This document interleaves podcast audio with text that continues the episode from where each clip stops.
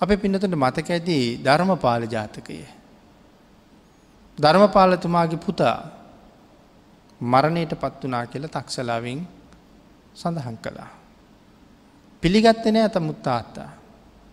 ඊට පස්සේ එළුවෙකුගේ ඇටකෝටු ගෙනල්ල පෙන්වා මේ තියන්නේ පුතාගේ ඇටකෝටු. නමුත් ඒ වෙලාවෙත් හිනා වෙලා කිව්වේ නෑක මට පිළිගණ්ඩ බෑ. මේ තියෙන එළුවෙකුගේ ඇටකෝටු. මග පුතා මැරුණ කියන කාරණාව මං කොහොමොත් පිළිගන්නේ කොහොමොත් පිළිගන්නේ නෑ. එතකොට අපිට එහෙම විශ්වාසයෙන් කතා කරන්න පුළුහන්ද සාධක සහිතව පෙන්නහම. මේ ඇටකෝටුත් තියෙනවා. මැරුණමයා කියල කියහම අපට පුළුහන්ද අභිමානවත් විදිහට කියන්න නෑ ඒක වෙන්ඩ බෑ කියලා. අපි දන්න එයාගෙන අපපු කර්මය කොහෙතියනවද කියලා. එතකොට ධර්මපාලතුමා කොහොමද කියන්නේ මේ කතාකන ධර්මපාල ජාතක ඉන්න ධර්මපාලතුමාගෙන. එතුම කොහොමද කෙන්නෑ මගේ පුතා මැරුන්නෑ කියලා. දීර්ඝ කාලයක් පරම්පරා ගණනක් ඒගොල්ලු ප්‍රාණගහතයෙන් වැලකිච්ච නිසයි එහෙම කියන්නේ. දැන් අපි දන්න ෑන අපි ගියාත්ම කොයි විදිහට ප්‍රාණගහත කලාද කියලා. මනුස්ස ජීවිතයක ඉන්නකොට. ඊට කලින් කොහොම කලාද කියලා. අනාධිමත් කාලයක් සංසාරි කරපුවා අපිට විපාක දෙන්නේ මේ ජීවිතය කරපුවා විතරක් නෙමේනි පෙරභවය නැත්තං ඊට කලින් භවය කරපුවත් විපාක දෙනවා. නමුත් ධර්මපාලතුමාට තියෙන විශ්වාසය තමයි අපේ පරම්පරාවම ප්‍රාණගත කළේ නෑ ඒ නිසා අකාලෙ මැරෙන්ට හේතුවක් හේතුවක් නෑ. එනම් මෙතනත් සඳහන් කරනවා ප්‍රාණගහතයෙන් වලකිනවනං අකාලෙ මැරෙන්නේ නෑ කියලා. යමෙක් ප්‍රාණගහතය යෙදෙනවනම් ආං ඒගොල්ලන්ගේ ජීවිතවල හරියට ලෙඩදුක් වලින් පිරිච්ච ජීවිත තියෙන. මේ ජීවිතය ඉපදිලත් නොෙක් ආකාරයේ ලෙඩ. සමහර වෙලාවට අපි දකිනවා.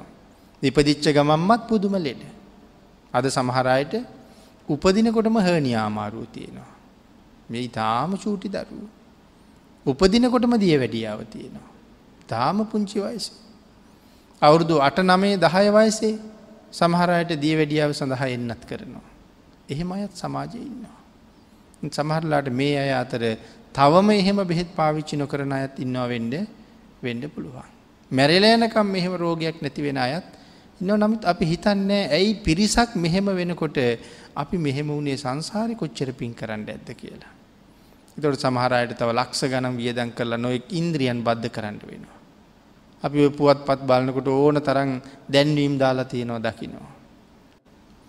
එනම් සංසාරය මොන මොනෝ හරි කරගත්ත මෙන් මේ ප්‍රාණ ගාතයට සම්බන්ධ අකුසල කර්මය. ප්‍රාණය ගාතනය වෙලාම නැහැ නමුත් අපි ප්‍රාණගහතය කරන්න යොදාපු උපක්‍රම නිසා නොයෙක් නොයෙක් ආකාරයේ අපහසුතාවයන්ට පත්වෙච්ච සත්තුන්ගේ. ආංගේ අකුසල කරමයන් අපිට ඒ විදිහටම ඒ විදිහටම එනවා. ඔය ලේකොල පිළිකාවල් හැදනෙව්වා. හැට මිතුළුවල පිළිකාවල් හැදනෙව්වා. ඔය තැලිසිමියාවාගේ රෝග අද එන්න එන්න වර්ධනය වෙන බව දකිනවා. පිළිකාවාගේ රෝග. ඉතින් මේවට හේතු ධර්මීම වෙනම වෙනම පැහැදිලි කරලත් තියෙනවා.